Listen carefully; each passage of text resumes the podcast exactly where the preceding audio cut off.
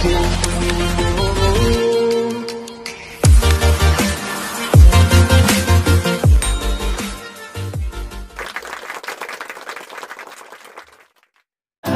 siang, kembali bersama saya Agung Surya Gumelar yang selalu menemani Anda di Beyond Education Podcast. Podcast yang bercerita, sharing-sharing atau maupun uh, tukar pikiran ya tentang motivating, coaching, dan parenting.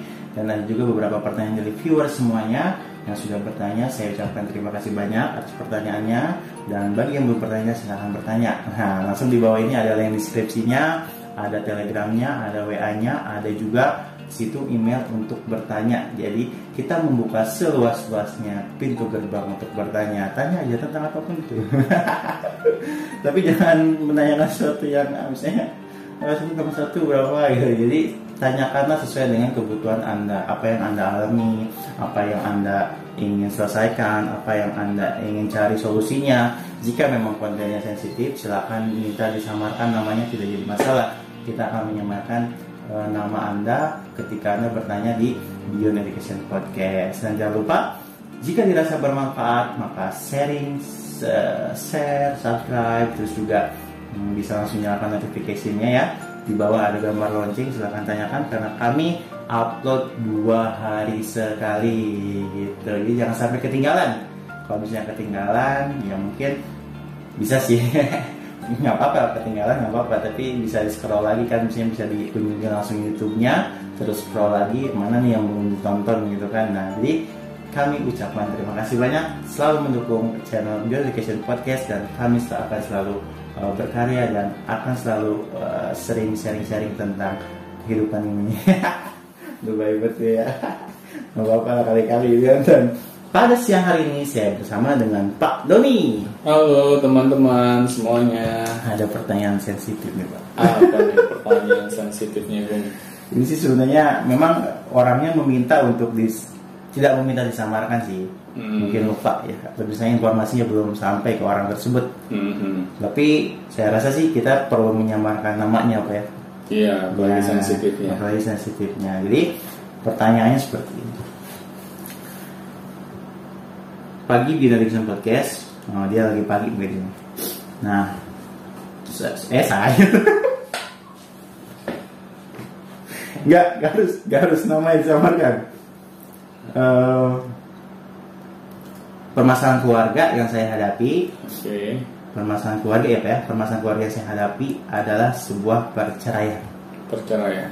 perceraian dan perceraian ini sudah berlarut sampai empat tahun sampai ah, saya lupa kata kalian empat atau sa- atau lima tahun sudah berlarut Hmm. perceraian saya memiliki dua anak Oke. dua anak yang memang sekarang masih menginjak umur yang satu 12 tahun 12 tahun berarti SD.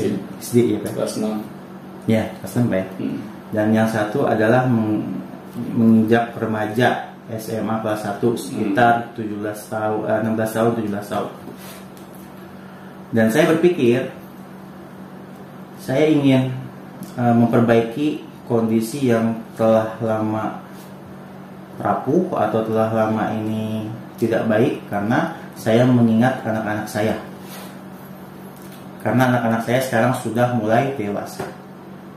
Dan hal yang saya paling ingin tanyakan adalah bagaimana cara memperbaiki kondisi dengan pasangan saya? Mantan pasangan. mantan ya mantan pasangan saya. Tapi di di sini pasangan saya ya, dengan pasangan saya yang terdahulu atau yang disebut dengan rujuk agar keluarga kita kembali berkumpul Ya, jadi di sini kan nggak dijelasin ya alasan sebelumnya kenapa sampai bercerai. ya nggak ada nggak ada sih Nah, itu yang malahan penting gitu dijelaskan. Hmm. Jadi kita tahu duduk persoalannya itu seperti apa. Kenapa sampai keluarga ini bercerai? Kalau masalah kita mau Eh, sebentar, sebentar pak, sebentar pak. Ada pak ini nih. Di bawahnya lagi. Oke. Oh masih masih jauh. Ada lagi. Apa kita tag ulang? Tidak langsung nih. oh, langsung ya. Langsung ke pertanyaannya. Jadi keluarga saya sempat hancur karena kendala ekonomi. Jadi perceraian ini karena kendala ekonomi. Iya, iya kendala ekonomi. Bagaimana cara menyelesaikannya atau rujuk? Oke. Nah, Kalau masalahnya karena kendala ekonomi, iya, ini sebenarnya bukan masalah yang prinsip ya. iya, iya sih. Nah, bukan masalah yang berat. Ya wajar sih kalau saya melihat pas kita menikah terus kita mengalami masalah ekonomi, kemudian kita merasa apa namanya berat dalam menjalani kehidupan. Iya, Karena kan pernikahan, hidup berumah tangga ini kan berbeda ya kalau kita hanya sekedar pacaran gitu. Nah ini makanya PR nih bagi teman-teman yang belum menikah. Jadi ketika kita memutuskan menikah, kita harus mengetahui visi misi keluarga kita itu apa. Hmm. Karena ketika kita menjalani hidup kehidupan rumah tangga, pasti kita akan menemui masalah. Nggak mungkin gitu. Dalam menjalani hidup rumah tangga, keadaan tuh baik-baik terus. Pasti ada aja masalah yang datang hampir kita. Nah sekarang masalahnya, apakah kita bisa mengkomunikasikan setiap masalah ini kepada pasangan? Nah ini harus dijelaskan kepada calon kita sebelum menikah gitu. Agar kenapa? Agar pas kita menjalani hidup rumah tangga kita nggak kaget ketika masalah-masalah ini menghampiri kehidupan rumah tangga kita. Jadi kalau kejadiannya seperti ini kita bercerai karena masalah kendala ekonomi, pasti sebelum memutuskan menikah kurang adanya persiapan. Karena masalah ekonomi saja kok bisa memecahkan hidup rumah tangga. Kalau menurut saya itu terlalu sepele, terlalu kecil gitu. Apakah kita nggak memikirkan anak-anak? Karena ketika orang tua memutuskan bercerai, pasti yang selalu jadi korban itu anak-anak. Kalau masalahnya hanya kendala ekonomi dan kita tega membuat anak-anak kita ini ke depannya hidup menderita, nah ini patut dipertanyakan kedua orang tuanya. Oh, iya. Karena mungkin dengan adanya masalah ekonomi mereka bertengkar gitu kan. Iya, Terus tapi di depan memutuskan gitu Iya. kan. Tiba-tiba memutuskan cerai lah gitu. Selesai. Ya pasti kan yang namanya kendala ekonomi ini kadang membuat hati kita jadi panas gitu. Iya, betul, betul. Ya. Terus kita secara spontan kita meluapkan segala emosi kita di depan pasangan. Hmm. Karena kita nggak terima, kok keadaan kita nggak pernah berubah. Selalu saja makan sepiring berdua. Kapan setiap orang punya piringnya masing-masing gitu kan? Nah, jadi di sini yang saya lihat, kalau kita menghadapi masalah ekonomi, ini sebenarnya bisa dibicarakan secara baik-baik. Hmm. Harusnya seperti itu ya. Iya, jangan sampai hati jadi panas. Hmm. Di situ biasanya tuh nggak nggak keucap gitu kan tiba-tiba dar gitu kan. Iya, karena itu kita kurang memiliki ilmu parenting Mhm. sebelum kita menjalani pernikahan. Itu dia.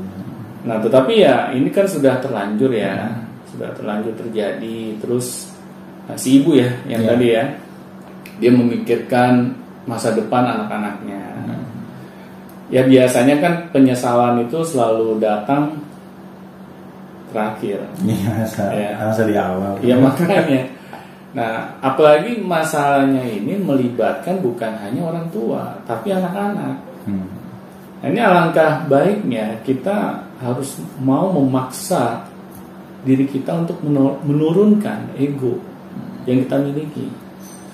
Karena kenapa? Kalau kita tetap memiliki ego yang besar, Hmm. akhirnya tidak ada satupun yang mau mengalah. Padahal kejadian seperti ini, ini harus kita sikapi dengan bijak. Kita harus menyadari yang kita pertaruhkan ini masa depan anak-anak loh, bukan masa depan kita berdua saja. Karena sudah ada memiliki dua anak kan, Betul. Apalagi kan memiliki dua keluarga juga gitu ya kalau dalam logikanya gitu jadi ada keluarga juga yang merasa dirugikan juga gitu keluarga besar maksudnya. keluarga besar dia Iya, masing-masing gitu kan itu udah pasti iya iya tapi yang paling menyakitkan itu pasti tetap Anak-anak. Iya. karena bagaimana sih perasaan anak-anak ketika melihat kedua orang tuanya berpisah Mm-mm. ya apalagi ketika berpisah ini secara tidak baik-baik Hmm. kemudian setelah berpisah juga tetap saja gitu anak itu diperlakukan seperti bola pingpong Mm-mm. ya dilempar sana lempar sini Hmm. saling menjelekkan satu dengan yang lain belum lagi di sekolahnya gitu kan. Iya. kadang ya ada aja yang kadang ngisi. jadi minder Iya. melihat apa namanya teman-temannya orang tuanya masih nyatu Mm-mm. tetapi orang tua kita sudah berpisah nah di sini kan yang menjadi masalah utamanya nasib anak-anak kita tapi kalau masih bisa kita rujuk Hmm. Masih bisa kita selesaikan masalahnya. Ya, kenapa tidak? Karena masalah kendala ekonomi ini bukan masalah yang prinsip. Terlalu cetek gitu bagi setiap orang ya kalau mengalami masalah ini terus kita memiliki apa namanya solusi itu bukannya mencari jalan keluar yang terbaik malah sebaliknya sebenarnya ini masih bisa dicari solusi yang membuat masalah ini menjadi selesai. Tapi pertanyaannya, apakah dari pihak X pasangannya Hmm. mau menyadari juga bahwa masalah ini kalau kita mau cari jalan keluar yang terbaik pasti masih bisa. Nah, itu bagaimana cara mengkomunikasikan ke X-nya itu? Ya harus dikomunikasikan. Ngobrol langsung ya? Iya, kita nggak Nah, bisa iya, diam ngobrol. aja gitu Iya, iya. berharap uh, nanti ketemu wangsit gitu ex pasangan kita gitu kan. Harus dibicarakan. Kita Hmm. ya itu yang tadi saya bilang harus mau menurunkan ego kita. Nah, iya. Kita harus mau membuka pembicaraan di awal. Jangan gua kan apa namanya perempuan. Masa sih gue yang memulai duluan komunikasi ke ex gua Hmm. Gak bisa dong, mestinya bapaknya lah yang membuka ini kan pembicaraan seperti ini gitu. Hmm. Tetapi kita nggak bisa punya pola pikir seperti itu. Di sini kan kita yang merasa ternyata perpisahan ini itu menyebabkan masalah. Gitu. Eling duluan. Ah, Nah, kita yang, nyadar duluan, Yang kan? eling duluan, Iya. yang harus mau bicara duluan. Hmm, betul. Karena nggak bisa gitu. Kalau kita hanya berharap Hmm. ex pasangan kita yang menghampiri kita terus ngajakin rujuk ya nggak bisa. Kalau dia belum eling bagaimana? Ya. Iya. Nah jadi di sini harus yang eling duluan, yang sadar gitu. Ajak bicara ex kita, jelaskan gitu bahwa masalah yang lalu itu ya biarkanlah berlalu. Ya kita cari uh, jalan yang terbaik karena ini masa depannya anak-anak yang kita pertaruhkan. Nah, sebenarnya masih bisa banget gitu. Dan saya juga yakin kalau ex pasangannya ini masih peduli dengan anak-anaknya, dia juga akan membuka hatinya bahwa masa lalu ya nggak akan bisa diulang lagi gitu, meskipun menyakitkan kan. Yang penting kita mau gitu mengorbankan ego kita demi masa depan anak-anak kita. Itu yang paling penting. Tapi yang lebih pertanyaan yang lebih dipertanyakan lagi Hmm, Pak, hmm. ketika si X-nya itu sudah tidak berminat gitu. Nah, misalnya dia tidak menolak Hmm. atau misalnya eh, dia nggak mau rujuk atau bahkan dia sudah punya pasangan yang lain gitu. Iya, Bisa jadi seperti sudah itu. cukup lama juga ya. Iya, cukup Ah. lama saja. Bagaimana dengan kondisinya seperti itu? Nah, itu ya jadi perlu Kalau- nyari lagi ya, Pak. Hmm, ya kalau sudah seperti itu, kalau dia sudah memiliki pasangan lagi ya, Hmm. kan kita nggak bisa mer- merusak Hmm. uh, pasangan hidupnya Hmm. ex kita dong. Kita jangan egois juga gitu. Kita ingin rujuk, tapi kita mengorbankan orang lain. Betul. Nah ini juga nggak bisa kita lakukan. Kita harus sadar diri gitu. Ini ex kita sudah memiliki pasangan yang baru.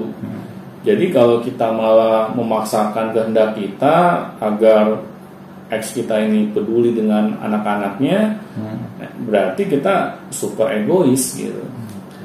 Ya lebih baik ya sudah. Ini sudah kejadian kan. Hmm. Ini benar-benar nasi udah jadi bubur. Iya. Nah, nggak bisa dikasih cakwe lagi gitu. Bubur goreng. Nah, jadi ya ya sudah kita ikhlaskan saja gitu. Hmm. Kita bilang ke ex kita, kita tetap masih memiliki anak-anak. Hmm. Jadi jangan kamu melupakan tanggung jawab yang Oh. kamu miliki. Iya. Ya. Hmm. Kamu juga harus mau meluangkan waktu kamu untuk anak-anak kamu. Ya sudah yang lalu biarkan berlalu, tapi kita jaga perasaan anak-anak kita. Jangan sampai anak-anak kita ini melihat orang tua yang sudah berpisah, bukannya dia semakin apa namanya uh, timbul kedewasaan dalam berpikir, tapi malah semakin merusak mentalnya gitu misalnya. Nah, ini harus kita jaga.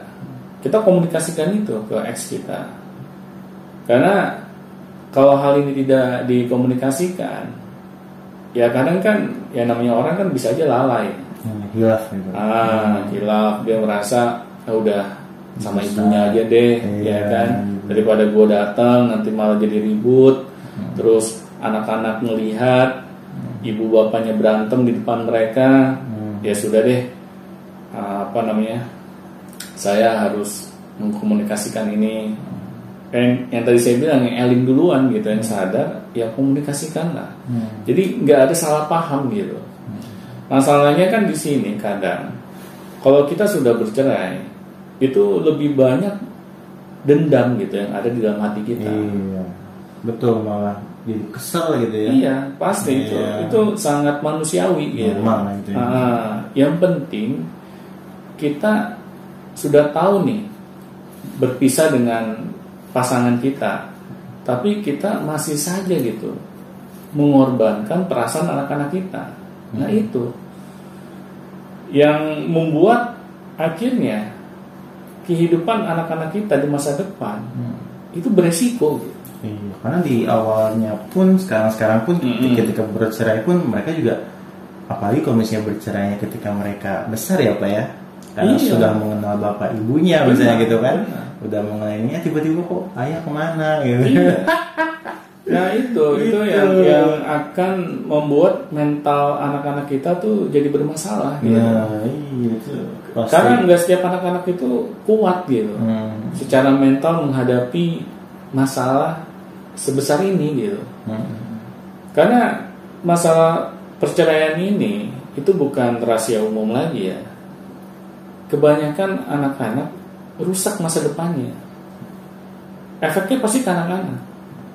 Anak-anak kalau misalnya mereka lahir dari keluarga yang miskin ya, yang bisa dibilang hidupnya pas-pasan gitu, tapi ibu bapaknya rukun, ibu bapaknya tetap memberikan contoh yang baik kepada anak-anaknya, saya yakin tuh anak tetap akan jadi orang ketika dia besar. punya masa depan gitu kan Iya. Hmm, Jadi orang besar maksud saya. hmm, Jadi orang yang hebat. Karena apa? Karena si anak ini selalu melihat contoh-contoh yang baik yang kedua orang tuanya perlihatkan kepada mereka. Akhirnya si anak ini memiliki kemauan gitu untuk merubah nasibnya ya, merubah nasib keluarganya karena dia merasa bahwa gua harus nih membuat orang tua saya itu bahagia di masa depan. Bangga keluarga. pasti. Ah, gitu. Nah, karena dia memiliki kayak seperti hutang budi gitu. Hmm, saya udah dibesarkan nih dengan baik. Ya meskipun hidup saya pas-pasan tapi kedua orang tua saya ini tetap rukun hmm, tetap harmonis, tetap memberikan kebahagiaan di dalam rumah. Akhirnya si anak ini tumbuh besar itu memiliki mental yang sangat kuat gitu untuk merubah nasib keluarganya. Tetapi kalau udah miskin, terus seringnya ribut lagi di depan anak-anak pula. Waduh, itu nasib anak-anak bagaimana coba? kadang emang kemiskinan menjadi masalah utama keributan kan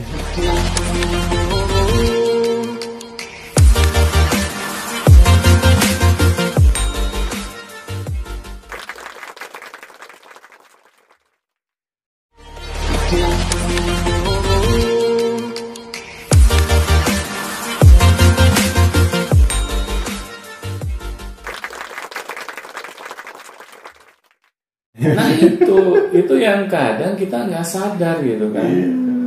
Anak-anak ini kan melihat Hmm. perilaku kedua orang tuanya. Hmm. Apalagi kalau orang miskin rumahnya kan sempit tuh. Iya, mau gimana gitu kan? Mau mau ribut di dapur, dapur nyatu sama ruang tamu gitu kan.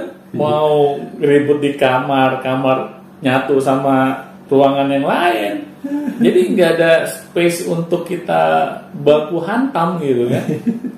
Nah akhirnya kan anak pasti melihat, ya sadarlah kita sudah miskin gitu kan. Hmm. Jadi jangan nambahin jiwa miskin kepada anak-anak kita.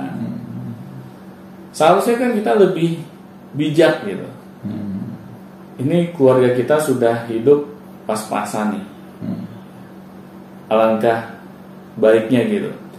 Kita berikan yang terbaik untuk anak-anak kita. Meskipun kita nggak punya uang, kita nggak punya materi, tapi kita berikan kebahagiaan yang berlimpah kepada anak-anak kita agar timbul kedewasaan dalam berpikir Hmm. ya, yang anak-anak kita akan miliki. Seharusnya mindsetnya kita ubah seperti itu. Jadi kita tahu nih kekurangan kita Hmm. dalam hal materi, Hmm. uang. Tetapi kita bisa melihat sisi yang lain, Iya. Ah, yang bisa kita isi gitu. Nah, jadi orang tua itu ya harus smart. Jangan kemiskinan ini membuat kita jadi bodoh gitu. Hmm. Ya. Nah ini yang harus setiap orang tua itu pikirkan gitu. Iya. Jangan kita sudah berumah tangga tapi kita pikirin diri kita aja terus gitu. Hmm. Dan bahkan banyak orang sukses juga terlahir dari keluarga miskin ya, Pak. Benar.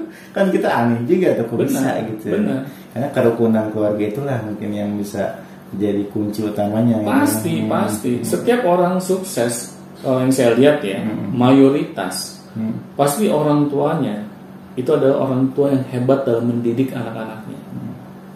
Karena nggak mungkin gitu orang hebat, orang sukses, tetapi orang tuanya dari dia kecil dibesarkan sampai dewasa itu terus-terusan ribut di depan orang ini gitu. Hmm. Pasti dia akan terganggu tumbuh kembang psikologisnya. Ya. Dia akan memiliki jiwa yang rapuh gitu. Nah, saya meyakini gitu kalau sebagai orang tua kita tahu gitu, kita berharap besar anak-anak kita ini memiliki masa depan yang harus lebih baik dibandingkan orang tuanya. Pasti dia akan terus mengisi dengan kasih sayang. Hmm. Pasti, karena seorang tua ini nggak ingin gitu kalau anaknya memiliki nasib yang lebih buruk Hmm. dibandingkan orang tuanya. Apalagi orang tuanya bercerai. iya, benar. Memang perceraian ini kan tidak dilarang ya di agama. iya sih. Tapi bukan berarti mentang-mentang dilarang, terus kita bebas gitu. Iya. Ah, ah. Hmm. Bebas melakukan perceraian dikit-dikit kita mengancam pasangan kita. Kita bercerai, Hmm. dikasih uang belanja kurang, langsung minta cerai gitu kan. Nggak dibeliin tas Hermes, langsung minta bercerai gitu kan. Kasihan banget pasangan kita. Samanya begitu ya. Iya. Nah akhirnya kan pasangan itu jadi tertekan gitu Hmm. batinnya. Ya udah di kantor dia harus berjibaku dengan kerjaan. Hmm. Pas nyampe rumah dimarahin istri, katanya bawa uang kurang ya kan. Akhirnya dapur nggak ngepul gitu. Ya ini yang membuat akhirnya pertengkaran itu gampang terjadi. Memang ini kebanyakan ya. Saya sih bukannya ini ya, bukannya ingin memojokkan uh, salah satu jenis kelamin ya. Hmm. Ya terutama biasanya nih wanita. Hmm. Wanita ini ya mohon maaf ya, bukannya saya ingin menjelek-jelekan. Kadang memiliki kesulitan gitu untuk lama hidup susah. Oh, susah iya iya benar. Iya, Iya, karena dia sering mungkin melihat kiri kanannya. betul. Oh, Hmm. ah, temen gua suaminya tajir ya, ah, Hmm. kaya gitu, sering dibelanjain istrinya. Hmm. Terus ah, tetangga juga sama Hmm. gitu kan. Akhirnya kita membanding-bandingkan. pasangan kita dengan pasangan orang lain.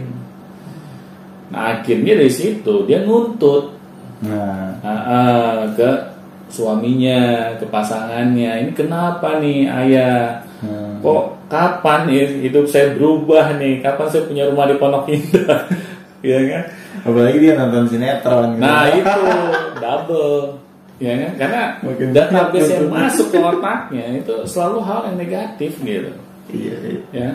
Karena kan lihat aja kan sinetron, tiba-tiba orang langsung tajir gitu. Iya. Kapan kerja kerasnya gitu kan?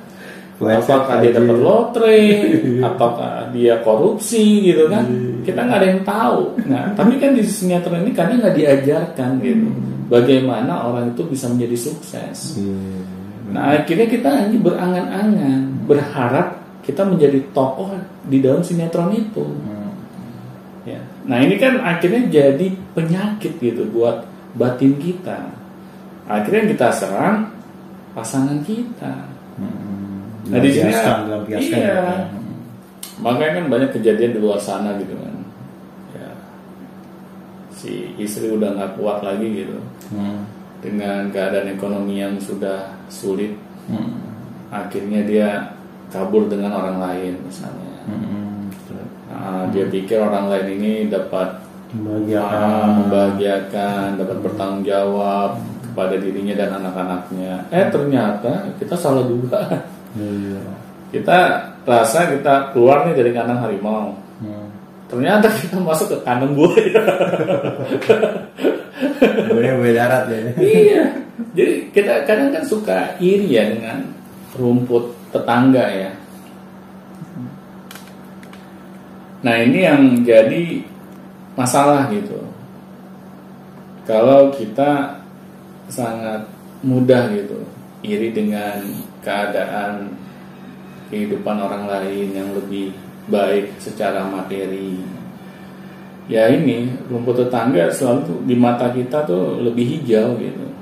Ya, ini memang godaannya. Karena kan hidup di dunia ini penuh dengan ujian gitu.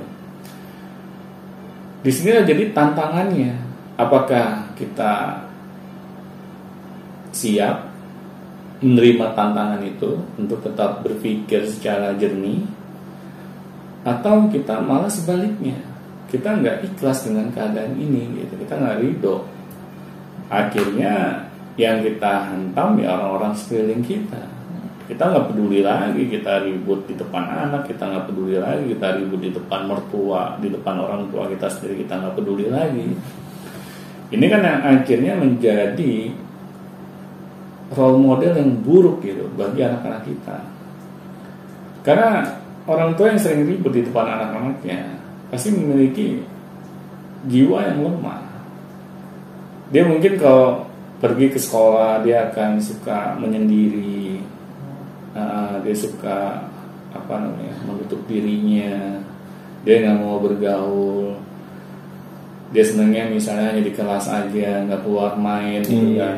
Ada sesuatu yang salah aja itu ya. Oh, iya pasti itu itu pasti. Karena jiwanya rapuh. Nggak mungkin kan orang yang jiwanya nggak rapuh gitu dia menutup diri dari orang lain kan nggak mungkin. Pasti dia memiliki percaya diri gitu ketika ketemu orang lain. Nah tapi kan masalahnya efek dari perceraian ini itu sangat dahsyat gitu. Kalau kita tidak menyikapinya dengan bijaksana. Nah makanya dari uh, keinginan si ibu ingin berujuk lagi ya Hmm. sama pasangannya itu saya setuju banget. Tapi yang penting kita harus lihat keadaan pasangan kita dulu. Iya. Apakah dia sudah memiliki pasangan yang lain atau belum? Kalau belum, ya syukur alhamdulillah. Coba komunikasi. Nah, komunikasikan kita Hmm. jangan apa namanya merasa ego gitu atau merasa ini kan bukan kewajiban saya gitu. Saya kan perempuan gitu. Masa saya duluan yang mulai gitu kan? Harus dari dirinya dia dulu yang dia tuh sudah eling duluan gitu agar membuka komunikasi kepada uh, ex pasangannya agar ex pasangannya itu memahami gitu situasi dan kondisi yang ada. Hmm. Tapi kalau sudah menikah, dia sudah menikah lagi Hmm. dengan orang lain ya sudah ikhlaskan. Tapi tetap aja komunikasi, bilang kita masih memiliki anak-anak, kamu masih memiliki tanggung jawab. Kamu saya berikan misalnya izin untuk kapan pun kamu ingin itu melihat anak kamu, Hmm. ya pintu rumah selalu terbuka. Nih, Ya, kita komunikasikan hal itu agar ex pasangan kita juga paham gitu. Ternyata eh, ex istrinya ini membuka diri gitu buat dirinya, bukannya malah pas sudah pisah gitu kita kunci rapat-rapat tuh rumah kita. Iya, Ya. anak nggak boleh ketemu. Ah. Gitu ya. Misalnya kalau di depan rumah kan awas anjing galak. nah, kita ganti tulisannya gitu ya awas ex suami galak gitu kan dicoret gitu ya nggak boleh juga kayak gitu gitu. Jadi kita tetap membuka komunikasi dengan baik kepada ex kita ex pasangan kita agar kita menyelamatkan masa depan anak-anak kita. Oke. Baik, terima kasih banyak Pak Doni atas sharing-sharingnya, atas tips-tipsnya. Dan jangan lupa kalau misalnya ada yang bertanya silahkan langsung tanyakan saja eh, ke email, ke WA dan Telegram yang di bawah ini. Dan kalau misalnya masih ada yang tanyakan eh, masih belum jelas juga tentang pertanyaannya silahkan tanya lagi nggak apa-apa Bu. Terutama ibunya nanti saya akan mention atau misalnya akan kabarkan surat elektronik eh, jika jika sudah eh, video podcast ini tayang dan mudah-mudahan ini bisa membantu dan bisa eh, bisa menyelamatkan keluarga ibu dan anak-anak ibu terutama. Baik, terima kasih pada pada siang hari ini ya. sama-sama Dan jangan lupa tonton terus Beyond Education Podcast dua hari sekali kita upload dan sampai jumpa di Beyond Education Podcast selanjutnya. sampai jumpa